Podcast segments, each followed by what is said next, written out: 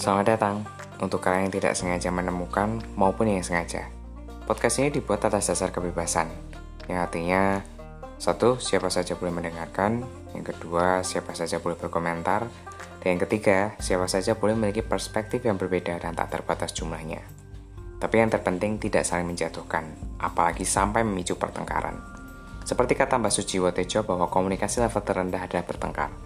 Di atasnya masih ada berdebat, kemudian berdiskusi. Tapi di sini hanya ada komunikasi level tertinggi, yaitu ngobrol ngalor ngidul tanpa ada niat sedikit pun untuk diskusi. Karena itu setiap episode yang ada dibuat tanpa tema, bahkan tanpa judul. Bisa jadi monolog, bisa pula dialog. Dan siapa pun yang mendengarkan boleh menyimpulkan isi sesuai dengan keinginan dan kebutuhannya.